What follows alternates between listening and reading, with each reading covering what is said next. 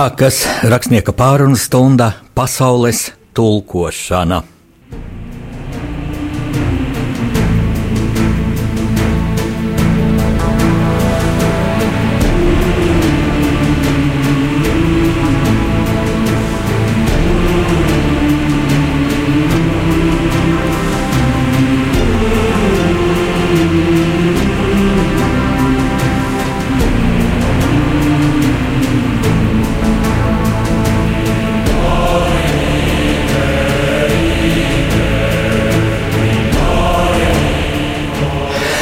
Lai slavēts Jēzus Kristus, mīļie klausītāji, kopā ar jums rādījumā arī Latvijas studijā atkal rakstnieks Jānis Udrs, vēsturisku romānu autors.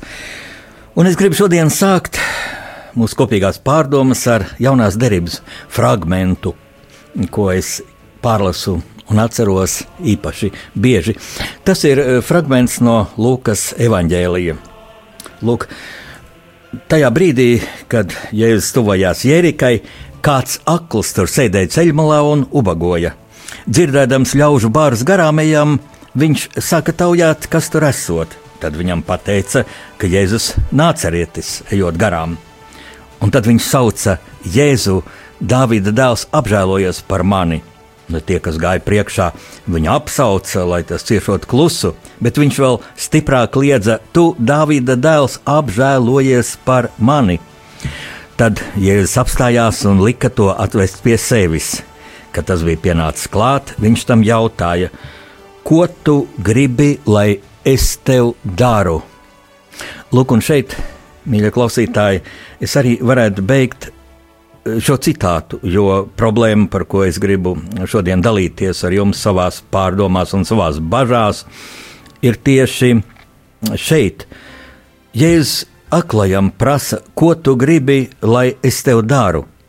Nu, mēs, kristieši, zinām, ka tālāk neredzīgais atbildēja: Kungs, kā es varu redzēt? Un Jēzus viņam sacīja: Esi redzīgs, tava ticība tev ir palīdzējusi. Un tad viņš tūdaļ kļuva redzīgs un gāja viņiem līdzi, Dievu slavējams, un visa tauta to redzēdam deva Dievam godu. Bet es atkal un atkal jautāju sev, Un tagad vēršos pie jums un aicinu jūs klusībā padomāt, ko mēs katrs atbildētu, ko mūsu sabiedrība kopumā atbildētu, ja Jēzus mums tā jautātu, ko tu gribi, lai es tev dodu. Jo liekas, taču šeit ir jāatbild, dod man to, kas man visvairāk vajadzīgs, un neredzīgajam visvairāk vajadzīga redze, redzēšana. Bet vai tā ir dzīvē?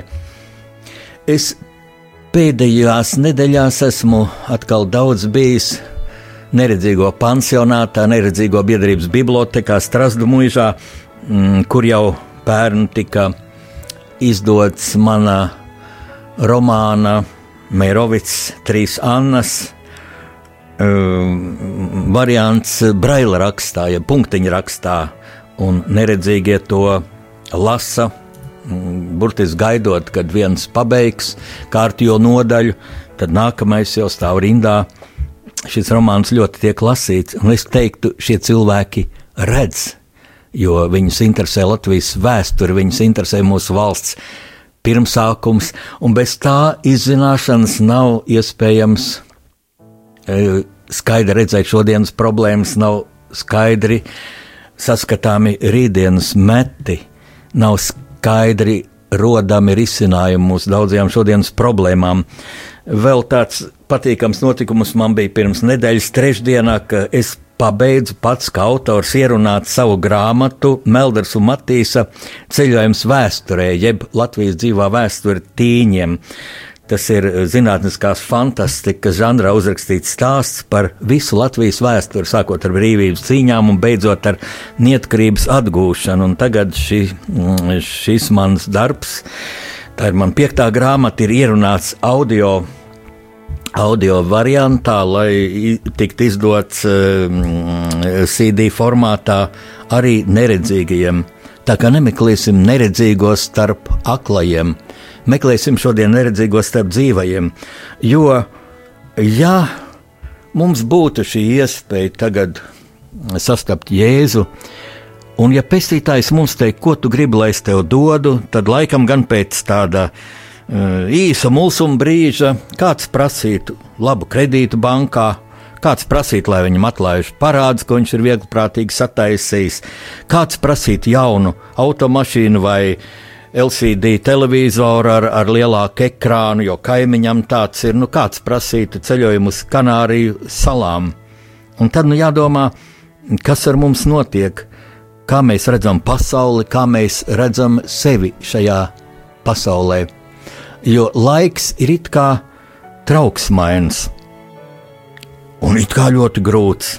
Ja mēs tagad paskaidrotu, cik procentus mūsu sarunās aizņem čīkstēšana par dzīves grūtībām Latvijā, esmu pārliecināts, ka rezultāts būtu satriecošs. Jo, mm, jo ja tā vērojam, es braucu no Salaspils uz Rīgu autobusā, burtiski šodien, un tur puse cilvēku runā pa telefonu, kas, protams, ir ļoti nekulturāli, un tu esi spiests to dzirdēt. Uh, un tur ir nemitīgi kaut kāda čīkstēšana un kaut kādas problēmas. Un klausoties tās problēmas, kuras es pats arī zinu, bet es nesaprotu, kāpēc par tām runāt atkal un atkal ir problēmas, ka tās ir jā, jārisina ar nemitīgu problēmu atkārtošanu un zelēšanu un pārstāstīšanu. Neviena problēma vēl netiks atrisināta, bet man, tad man ir arī jādomā, lai cik tas pārsteidzoši nebūtu, taču mūsu Latvijā ir nu, stabili pasaules turīgāko valstu, pussimts valstu sarakstā, jo lielākā, lielākā, lielākā daļa cilvēces dzīvo daudz, daudz sliktāk par mums. Un, un, un ja atbrauc kāds, kāds afrikānis, kura zemē ir liela problēma ar ūdeni pat dzeršanai, nerunājot par nomazgāšanos, un ierauga, kādas mums ir upes, ezeri, avoti. Uh, tad viņš teikt, jūs esat bagāti, kā jums nav kauna čīkstēt.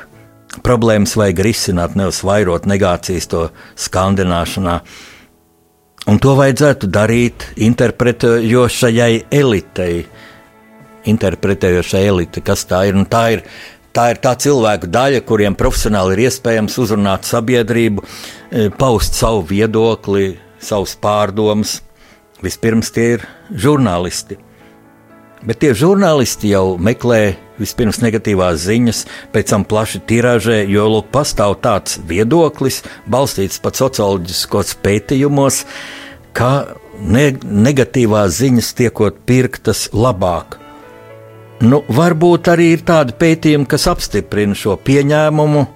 Droši vien, te ir runa acīm redzot par pētījumu metodoloģiju, Bet jautājums, vai tas dara godu mūsu sabiedrībai, ja mums pirmkārt mūs interesē negācijas, nevis nu, kaut vai gadījumi, kad problēma ir atrisināta.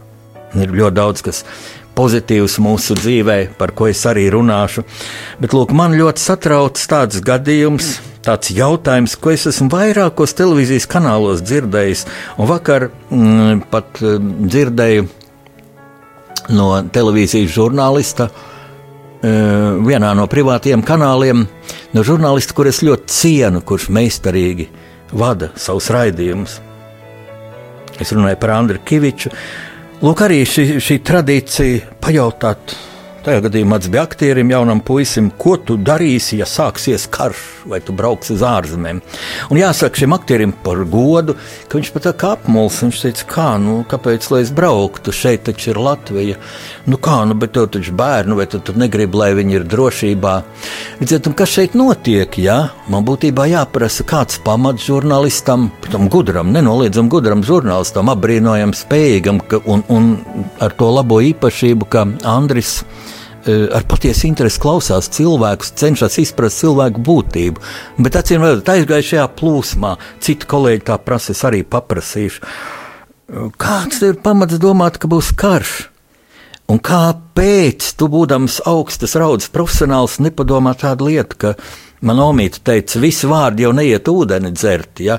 Šis jautājums noguļas mm, klausītāju zemapziņā un pat apziņā. Un cilvēks domā, patiešām būs karš, ko es darīšu. Un cilvēkam jau tā ir problēmas, ko jārisina, un tagad vēl jārisina problēma, ko viņš darīs, ja būs karš. Nu, un tad, nu, kas man atliek tagad darīt? Atliek tā paskatīties, vai tad ir šis karš, vai būs šis karš, un ko mums patiešām darīt. Mm, nesen kāds populārs operas solists arī vienā privātās televīzijas kanālā mm, ļoti interesantā sarunā ar to pašu Andru Kaviču. Mm, pateicis daudz interesantas, gaišas atziņas, parādot nenoliedzami, ka viņš ir Latvijas patriots, ka viņam prieks par to, kas Latvijā labs, sāp tas, kas Latvijā slikts. Bet tad, kad kad aizsākās saruna par nākotni, tad viņš pēkšņi sāka runāt par kaut kādu pasaules valdību, kas, kas visu tā kā slepeni vadot par kaut kādām sazvērstības teorijām. Nu, tā prognoze tāda, ka mūsu civilizācija iešot bojā pēc kādiem četriem, septiņiem gadiem. Nu, tādi pravietojumi arī ir, protams, naivi, eh, ļoti iespējams ka civilizācijas bojā pirmkārt ekoloģisku problēmu dēļ mēs esam dabu nepiedodami piesārņojuši, un joprojām liela daļa pasaules mm, tautu, civilizāciju, valstu, politiķu un biznesmeņu, pirmkārt jau biznesmeņu. Uh, neredz to, ir tuvredzīgi, neredz, kā mēs sagandējam dzīvo dabu sev apkārt un zāģējam zāru, uz kura mēs dzīvojam. Bet mums, kristiešiem, gan vajadzētu saprast, ka ne jau tomēr cilvēka rokās ir tas, cik ilgi pastāvēs pasaule. Un, jā, tas ir Dieva rokās, protams, bet ir, tas ir cilvēka atbildībā, kā mēs izturamies pret šo planētu, kā mēs izturamies pret šo savu valsti, Latviju, kura no tādu globālo Mm, globālo problēmu viedokļi ir ārkārtīgi labvēlīgā situācijā. Tad mums nav dabas katastrofa, mums ir ļoti izlīdzināts klimats, mums ir ļoti bagātīgi dabas resursi. Ja mēs runājam nevis par naftu, par oglēm, par dabas gāzi, ko cilvēks saprot ar vārdu dabas resursi, bet dabas resursi ir mēži, tīri ūdeņi, svaigs gaiss. Lūk, tie ir būtībā tie vērtīgākie dabas resursi mēs esam ārkārtīgi labvēlīgā situācijā, un es domāju, ļoti muļķīgi pašam sevi iestāstīt, un vēl, ja tu esi publiska persona, iestāstīt saviem līdzcilvēkiem, ka, lūk, mēs dzīvosim tur četras vai septiņas gadus, muļķīgi, bezatbildīgi, nevajag to rēķināt, vajag gluži vienkārši dzīvot, izbaudot katru dienu, ko mums Dievs ir atvēlējis. Lūk, ar šo aicinājumu es gribu tagad pieteikt nākamo mm, dziesmu. Un padomāsim par to, padomāsim, kāda ir mūsu zeme, un tad es arī pateikšu savu viedokli, savu analīzi, kā tad ir ar to, vai tad ir tas karš, vai nav tas karš. Tad, lai skan kāda jauka dziesma.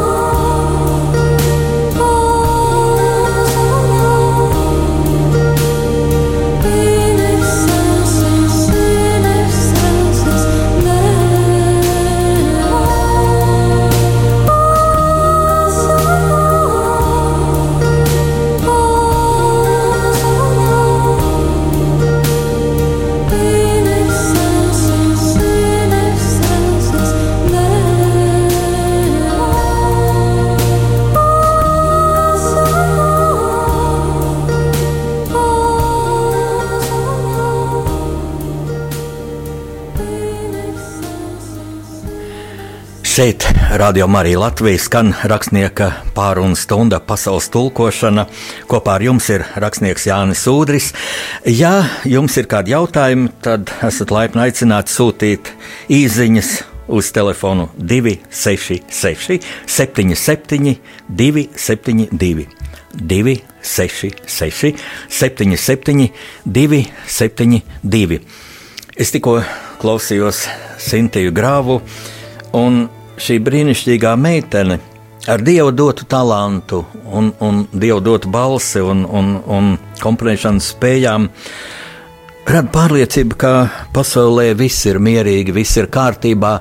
Nu, diemžēl pasaulē nav mierīgi un kļūst arvien nemierīgāk. Mierīgi ir pie mums Latvijā. Un daudzējādi, daudzējādi ir atkarīgs lai tā būtu ilgi, lai tā būtu pastāvīga mūsu zemē. Ir tāda teorija, ka ir jau sācies trešais pasaules karš. Nu, pirmajā brīdī tas skan absurdi. Mm, tā būtu plašāka saruna, vai ir pamats apgalvot, nav. Taču pieņemsim, ka tā tas pasaulē ir. Pasaule noteikti ir izmainījusies jau ar šī gada tūkstošu sākumu, kad teroristi uzspridzināja viņu, sagrauda viņu torņus Ņujorkā, un pēc tam šie terora akti Parīzē, Briselē. Nu, pat pagājušajā nedēļā, tālajā Bangladešā, terorists uzspridzinās, lieldienās uzspridzinās bērnu rotaļlaukumā, kur sapulcējušies kristieši. Padomājiet, bērnu rotaļlaukumā uzspridzinās terorists vietā, kur ir bērni ar savām mamām. Nu, karš vienmēr ir bijis briesmīgāks, bet tik kaut ko tik zemisku, tik nožēlojamu pasauli vēl nav piedzīvojusi. Nu, no tāda viedokļa Latvijā situācija ir šobrīd ļoti labvēlīga, bet vai mēs varam ļauties bezrūpībai?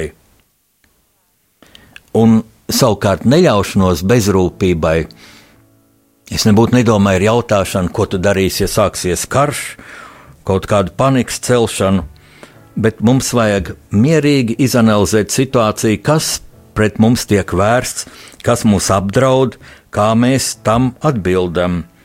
Jā, noris tā sauktais hibrīda karš, kur ir dažādi agresijas veidi. Liela daļa no tiem ir psiholoģiski, informatīvie agresijas veidi.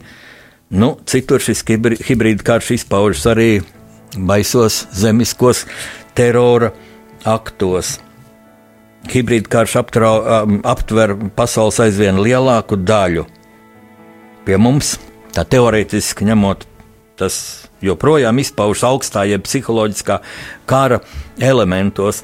Un tā ir būtībā tā situācija, kādā, mm, kādā uzauga mana paudze, pirmā pēckara paudze, kad ļoti strikti bija iezīmējies kopš Čērčila runas Fultonā 46. gadā, bija ļoti strikti. Uh, iezīmējusies psiholoģiskā, propagandistiskā pretstāve starp šo e, komunistisko ļaunumu impēriju ar Padomju Savienību centrā un, un sociālistiskajām marionešu valstīm m, lielā Eiropas daļā.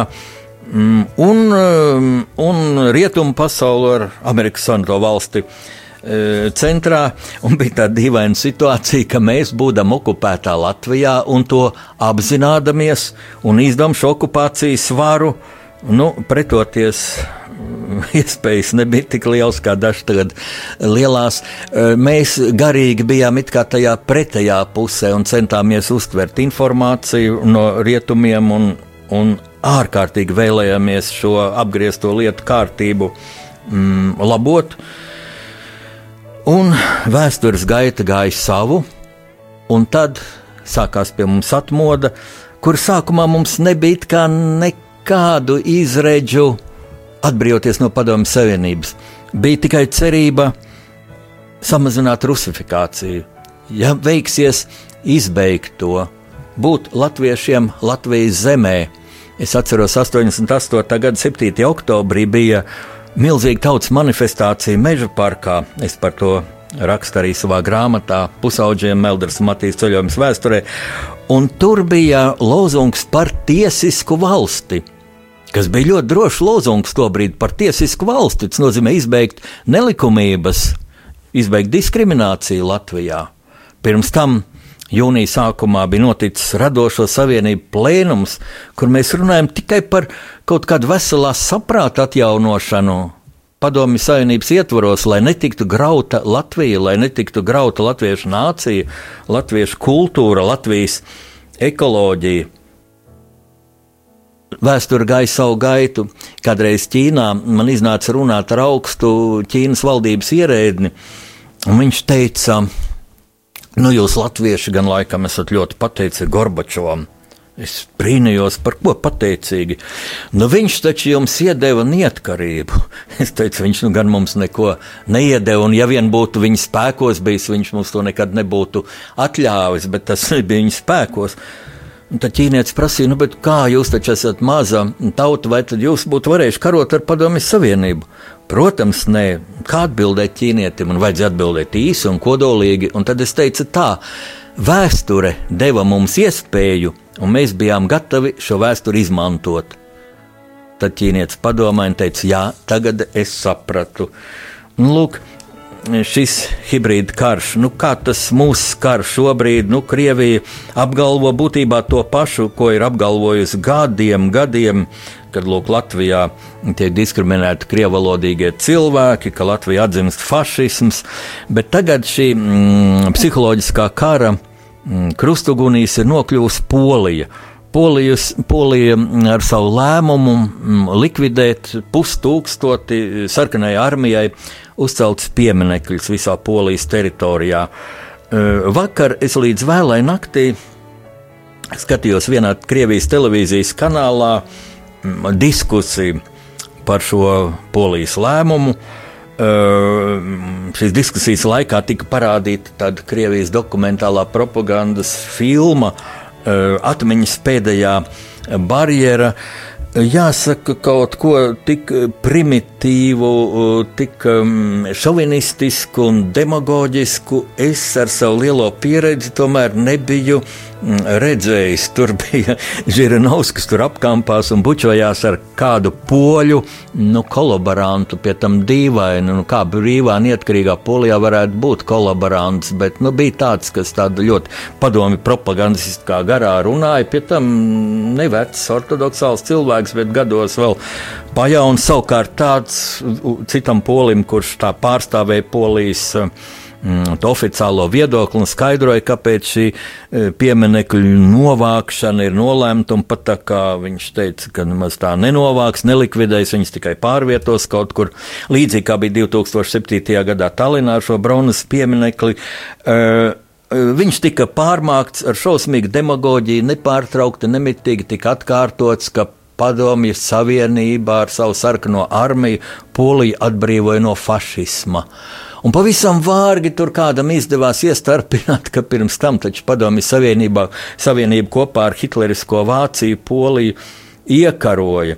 Un tad tika mm, ļoti plaši izmantots tāds vēsturisks fakts, ka mm, Podzemes konferences Taļins ļoti iestājās par Polijas teritorijas paplašināšanu uz Vācu zemju rēķinu un tika pievienota Ščecina, Poznaņa, Polijai Un, un tas tika iztēlots kā milzīgs Staļina labvēlības akts pret poļu tautu, e, bet tas ir arī tā ļoti naivi, un tam var noticēt tikai ļoti naivs cilvēks, jo Staļins jau to darīja, lai paplašinātu savas impērijas robežas, jo bija jau pilnīgi skaidrs, un tas bija nolemts pat Jaltas konferencē, ka Polija būs padomu ietekmes sfērā, bet nu, ar savu it kā suverēnu valdību, bet patiesībā jau Polijā vairāk kā pusgadsimtu, līdz pat, līdz pat pagājušā gadsimta 80. gadu beigām, pastāvēja tādas marionešu valdības, un, un pat ar beigās jau ar komiskiem elementiem, jo pēdējā polijas mm, komunistiskās partijas, kas gan saucās savādāk, vārds komunistiskā tur viltīgi nebija pielietots, pēdējā kon kongresā, jā, kurā piedal, piedalījās arī padomu pārstāvji. Tur bija pilnīgs haoss un, un, un, un sabrukums, un, un, un tas viss izskatījās ļoti nožēlojami. Nu, kā mums izturēties šajā situācijā? Mēs mācāmies no šiem spriedzes momentiem, kļūstam arvien savaldīgāk mūsu sabiedrība. Mēs pareizi darām, ka nereaģējam uz, padomis, uz šiem padomjas Savienības augstā kara tradīcijās izturētiem pārmetumiem. Fašismu atzimšana, tam līdzīgas muļķības mēs saglabājam pašapziņu. To parādīja šī gada 16. marts. Un acīm redzot, mums jābūt ļoti gudriem arī 9. maijā, mm, kad būs nu, lielas cilvēku masas. Tepat ļoti netālu no mūsu radio Marijas studijas pie mm, tā sauktā uzvaras pieminiekļa, uzvaras laukumā. Es šeit gribu atgādināt vēsturisko patiesību, ka šis laukums par uzvaras laukumu saucas ne jau kādā saistībā ar mm, sarkano armiju, bet eh, šajā vietā jau pirms kara Latvijā 30. gados notika armijas parāds, un laukums tā tika nosaukts par godu eh, par godu mūsu Latvijas armijas uzvarai par Bermuda spēkiem mm, šeit, Torņkalnā. Pie Turnkalna baznīcas notika tās lielākās kaujas, ja atceramies filmu Rīgas sargi un to baznīcu, kur zvanā, kur zvanu puiši skandināja par uzbrukumu signālu, tad tā bija domāta Turnkalna baznīca. Nu, lūk, par 9. māju ļoti svarīgi, lai šis notikums ar lielām cilvēku masām nepārvērstos par tādu anti- latvisko spēku demonstrēšanu, un tas, paldies Dievam, pēdējos gados nav noticis Rīgas doma. Eh, pie tā piestrādā, lai nebūtu kāda politiskā propaganda, kāda aģitēšana pret Latviju. Tam seko arī liela policijas spēki. Savādāk nevar. Es ticu, ka tā būs arī šogad. Un ļoti svarīgi, ka mūsu drošības struktūras, mūsu drošības policija, robežsardze neielaiž uz šiem notikumiem uh, ārvalstu provokātorus. Tas ir ārkārtīgi svarīgi. Tā spriežot pēc faktiem, pēdējos gados tas arī ir ļoti labi nostrādājis. Vai viņam tas patīk vai nepatīk? Protams, nepatīk. Tā ir viņa problēma, lai e, netraucē mums dzīvot mierīgi saskaņā e, dažādu tautu cilvēkiem. Kā tas ir Latvijā vienmēr bijis, un te es gribu, mīļie klausītāji, īpaši kristiešus lūgt, atcerieties vienu lietu, ko man teica rakstniece Marina Kostaņecka, Latvijas krievu rakstniece, mans draugs kopš atmodas laikiem, kurai ir ļoti liela nopelna Latvijas neatkarības atjaunošanā, kuras dzimta ir ļoti cietusi no komunistiskā režīma. Viņas senči ieradās Latvijā pēc eh, bolševiku apvērsuma 17. gadā, lai glābtos no, no bolševiku represijām, un viņas tēvs pēc Latvijas okupācijas tika represēts šeit. Lūk, Marina teica, vajag saprast arī tos daudzos krievus, kuriem aiziet pie šī pārdaugos pieminekļa Citu vietu viņi nezina. Mm, kritušiem karavīriem viņi noliek to ziedus, viņi tiešām godina savu, savu vectētiņu, savu vecmāmiņu. Viņiem tas savā ziņā ir nu, tā kā mums, latviešiem, ir ļoti skaisti svētki, kapu svētki. Interesants nosaukums - kapu svētki. Kā filoloģiski varētu to skaidrot, kā var būt svētki kapos. Acīm redzot, tāda dvēseli vienotības svētki. Tas atkal būtu interesants temats sarunai.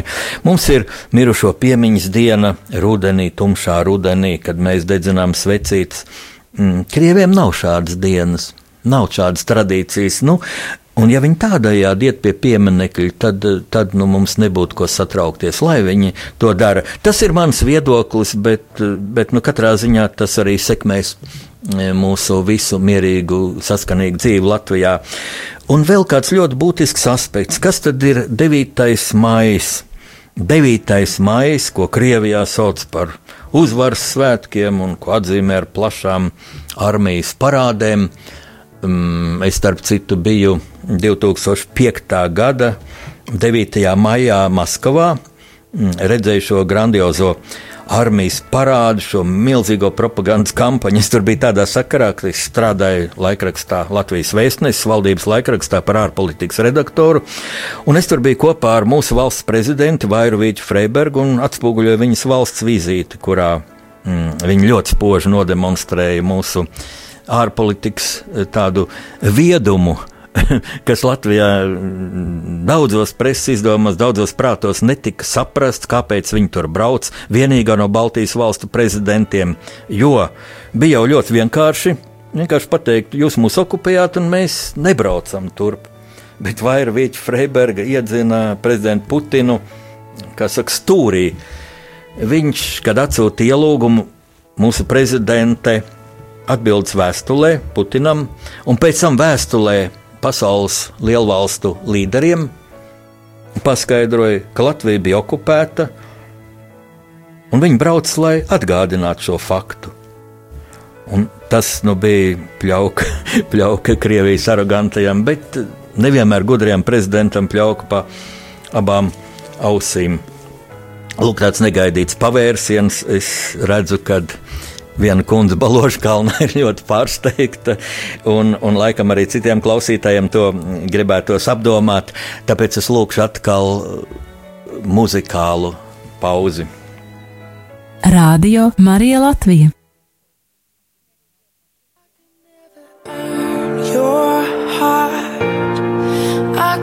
never reach that far.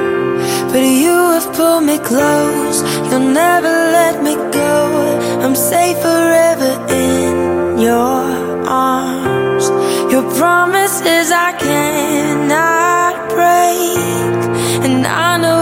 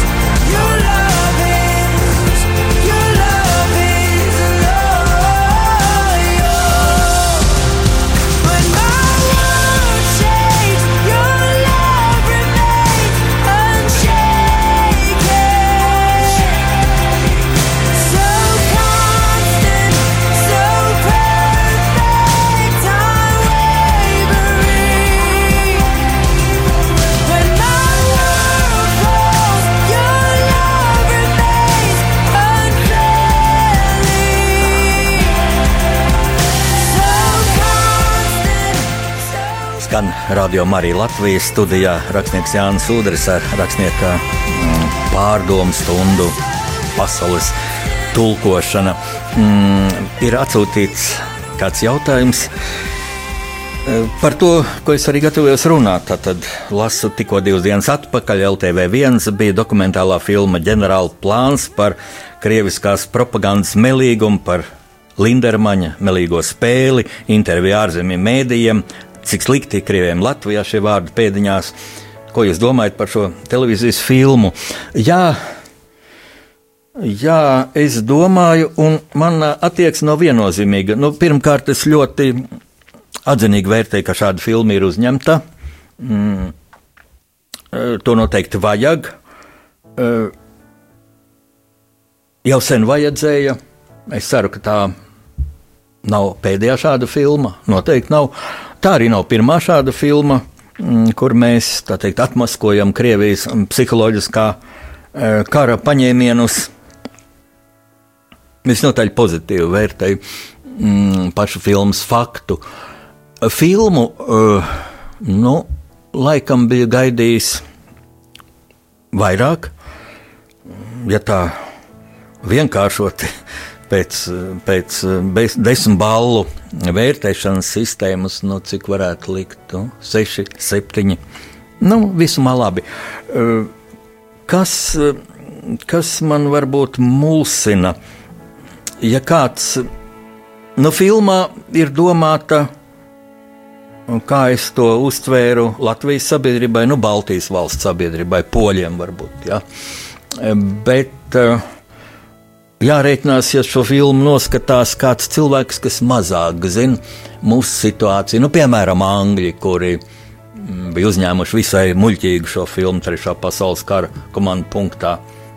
Starp citu, vispār man BBC pārsteigta šī, šī, šī, šī ļoti spēcīgā mm, raida organizācija, jo viņi arī parādīja nu, pat ārkārtīgi vāju no mākslinieckā viedokļa seriālu Karš un, un Miers. Mm, kāpēc? Viņiem ir iespējas, milzīgi resursi. Nacīm redzot, jāatceras, ka BBC ir pirmkārt rādio, un varbūt viņiem arī ar citām jomām, ar televīziju, ar kino nevajadzētu nodarboties. Un, nu, lūk, ja citautietis paskatītos anglus, francūzus, amerikāņu šo filmu, eh, tad viņam liktos, ka situācija šeit ir ārkārtīgi draudīga un ka šie antilatviskie spēki ir ļoti, ļoti varani. Lūk, šeit autoriem, filmas autoriem es būtu iet, ieteiktu. Eh, turpmāk pie šīs, filmas, pie šīs tēmas, šīs problemātikas strādājot, būt uzmanīgākiem.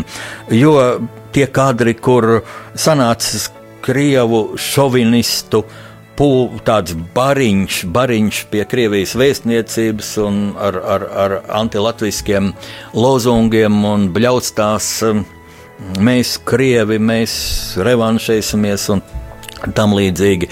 Tas ir uzņemts tā, lai parādītu viņus kā reālu spēku. Es uzskatu, ka viņi nav reāls spēks. Drīzāk viņu spēks ir mūsu mūsu vienaldzībā, mūsu nespējā. Ja, ja tas nostrādātu uz latviešiem tā, kad iekustina mūs, iekustina nevis kaut kādai predarbībai. Predarbībai, nu, tam ir jāsako drošības policijai, un es tā pabrīnījos, kā ne, filmā nav kadri, ka attiecīgi policija atnāk un šos cilvēkus arī savāc. Tur nemaz nevajadzētu tūkstošiem policistus un, un desmitiem arestantu mašīnas. Tur pietikt ar pāris mašīnām un pāris desmit policistiem, jo šo bļauru nebija daudz, nebija daudz vēl profesionāli skatoties. Operators paņēma tos karstākos kadrus. Es operatoru varu saprast, ja, bet, nu, nu profesionāli runājot, varbūt vajadzēja pat kādu komisku elementu un tā paņemt, jo, jo šādās um, antilatviskās bakhanālijās bieži ir daudz kas smieklīgs. Arī es atceros no atmodas laikiem, kad Jelgavā vāca no Sļeņina pieminekli, tad tur bija tādi krievu šovinisti atnākuši un Un, savukārt, lauksaimniecības akadēmijas studenti, patriotiskie puiši, sadavās rokās tādu ķēdi, mm, izveidoja, lai, lai netraucētu ceļam krānam šo, šo, šo pieminiektu aizvest prom. Un tad viena krievu tantiņa iekod rokā vienam no šiem puišiem. Nu, tas tā izskanēja ļoti smieklīgi. Nu, lūk, vai šī filma, tā, protams, autoriem to negribot, nesagādā arī reklāmu mums naidīgiem spēkiem. Katrā ziņā eh, šādi šovinisti Lindermans varētu justies diezgan lepns, kā viņš tiek parādīts. Uh, Nu, tāds ir mans viedoklis. Tas ir subjektīvs, kad, bet eh, es vēlreiz saku, es filmu vērtēju pozitīvi, un, protams, filma vērš uzmanību uz, um, uz ļoti būtisku problēmu, uz Krievijas finansiālo, morālo atbalstu šīm antilatviskajām uh, izdarībām un organizācijām. Uh, Laikam tas ir filmas lielākais nopelns, ka tur tiek diezgan pārliecinoši pierādīta šī Krievijas naudas klātbūtne. Es tikai gribu vēl uzsvērt, cik ļoti svarīgi ir informatīvais aspekts pašreizajā psiholoģiskajā karā, tātad hibrīda karā, kas Latvijā, Baltijā paldies Dievam, paldies Dievam, iet tikai šajā psiholoģiskā kara robežās, kas tad nav nekas jauns. Nav nekas jauns, un atmodas laikā mēs redzējām, kā spridzināja mm, sarkanarmiešu pieminekļus un rakstīja kaut kādus fašistiskus lozungus, it kā latviski, bet tur bija no krieva alfabeta, no kiriļicas, un visur bija skaidrs Krievijas un Krievu mm, antilitvisko spēku provokatoriskais uh, rokraksts.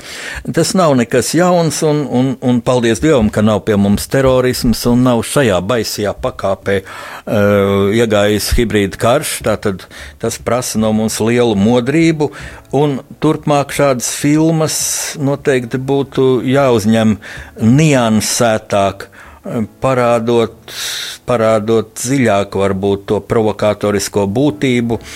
Un eh, te man nāk prātā, ka vēl nav pietiekami izanalizēta varbūt Igaunijas pieredze 2007. gadā, kur, kad bija nemiera ar šo bronzas mm, karavīru, kas stāvēja Tallinas centrā, kas tajā laikā ir bijuši Tallinā, atcerēsies tiešām tādā dzīves kustības vietā, turpat burtiski blakus brauca trolēbus, un tas nu, bija ļoti nepiemērotā vietā. Nu, kara laikā, acīm redzot, nepadomāja, kā šī pilsētas daļa attīstīsies. Un pieminekli jau pašā sākumā bija paredzēts pārvietot uz, uz padomi karavīru uh, brāļu kapiem, bet tas nebija informatīvi nostrādāts. Par to nebija pietiekami plaša informācija. Un arī sabiedrība vēl ļoti maz zina to, ka pēc tam parādījās ļoti skaidri atmaskojoši fakti, ka šie galvenie nemieru rīkotāji, galvenie provokātori bija iebraukuši no Krievijas, ka tie pat nebija vietējie Tallinas mm, nu, citautieši, krieviski runājušie citautieši. Man tas ienāca prātā vakar pagājušajā naktī skatoties šo e, Maskavas televīzijas e, diskusiju, šīs bakanālijas pret Poliju, un tur lūk tika minēts, nu, lielāku demagoģijas neesmu dzirdējis, viens e, tas poļu, polis, kas, kas nu, tā ļoti derdzīgi tādā pro krieviskā manierē runāja, runāja pret savu tautu. Viņš lūk apgalvoja, ka poļu tauta nepieļaus šos pieminekļus novākt, un ka poļu tauta, tāpat kā krievi, lūk, Tallinā 2007. gadā aizstāvēs, kā, kā, kā Tallinā aizstāvēs šo bronzas pieminieku, un tā bija drausmīga demagoģija. Nu, kā, protams, šādas filmas vajag, un paldies autoriem, ka to uzņēma.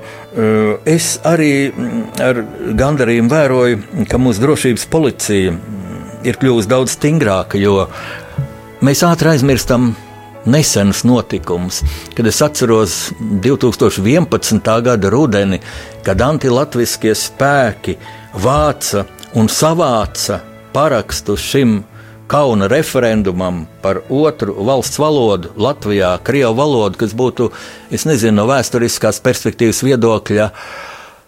Apkaunojošākais, amorālākais, kas var būt, jo tas, tas atjaunotu padomju okupantu privilēģijas un pat pārspētu tās, jo padomju okupācijas laikā jau varbūt daudz to nezina, bet Krievijas valodai nebija oficiāls valsts status. Tāds status nebija, un daudz kas bija atkarīgs no paša mugurkaula no latviešu mugurkaula, no lietuviešu mugurkaula, igauņu mugurkaula. Nu, mums, latviešiem, jāatzīst, tas izrādījās tas lokanākais. Kad mēs aizbraucam uz Tallinu, tad, tad mēs tad labāk bija nerunāt igauni, krieviski. Tad mēs redzējām, kādi ir igauņi. Nu, brīdis muzikai.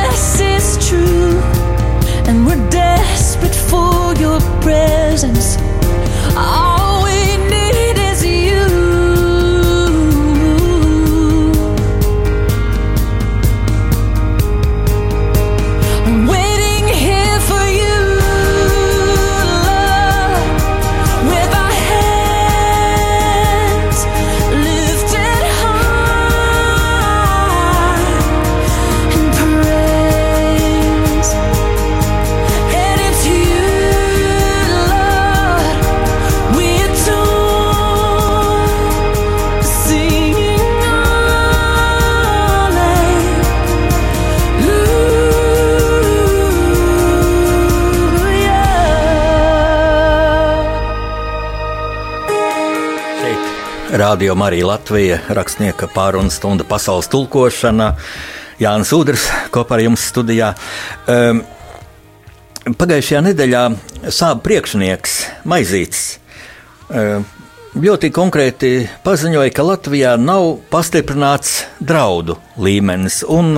Es neredzu mazāko iemeslu neticēt šī mm, cilvēka ļoti autoritatīvam paziņojumam. Satversmes aizsardzības biroja rīcībā ir unikāla informācija, mm, kas nav pieejama mm, parastiem pilsoņiem. Tā tam ir jābūt. Un, ja Maizīša kungs tā saka, tad es domāju, ir viss pamats viņam ticēt. Un tad Maizīša kungs tā teica, es, nu, kas tad mūs tā varētu apdraudēt? Tas bija retorisks jautājums, tā kā mūs neapdraud šobrīd nekas. No Maizīša kunga viedokļa tas arī ir pareizi. Mm, to tā tiešām var pieņemt. Mm, bet eh, es kā mm, publicisks, kā rakstnieks, kas raugās vēsturiskā perspektīvā, tomēr redzu vienu apdraudējumu. Un es teiktu, ka lielākais mūsu apdraudētājs šobrīd ir hauss mūsu pašu galvā. Mūsu bezatbildīgā, vienaldzīgā attieksme pret savu valsti, kas izpaužas ļoti, ļoti daudzos gadījumos, sākot ar Latvijas atstāšanu un braukšanu uz ārzemēm, labākas dzīves, meklējumos un uz nepiedalīšanos vēlēšanās, un pēc tam mēs brīnāmies, kāpēc tāda Ždanoka lūka ir Eiropas parlamentā. Tāpēc, ka daudz latviešu vienkārši sēdēja mājās un izmainījās šī proporcija un, un šis nepieciešamais balss minimums, lai, lai, lai šāda persona apmelotu, varētu apmelot Latviju, Briselē. Tā ir tāda mūsu pilsonisko jūtu atrofija, un man ļoti iepriecina jauniešu politiskā, pilsoniskā aktivitāte, pilsoniskā pašapziņa. Jo Latvijas lielākais apdraudējums tieši ir tāds mūsu pilsonisks infantīlisms, cinisms, ar kur mēs paši to nemanot dodam punktu saviem pretiniekiem psiholoģiskajā karā, jo pretinieks jau ir aktīvs, viņš darbojas aktīvi, un tad mēs nedrīkstētu kā strauss iebāzt galvu. Galvas miltīs tā nav mana darīšana. Pienāks brīdis, kad tā būs ikviena mūsu darīšana, un tad pamainoties šai hibrīda kara taktikai, ļoti iespējams, ka tas tā notiks, nu, piemēram, var pavērsties šī bēgļu masveidīgā plūsma, pat, pareizāk sakot, ne uz bēgļu, bet šī, šī nu, pasaules staigātāja, patvērumu meklētāja, labākas dzīves meklētāja plūsma var ļoti viegli pavērsties Baltijas virzienā, Latvijas virzienā.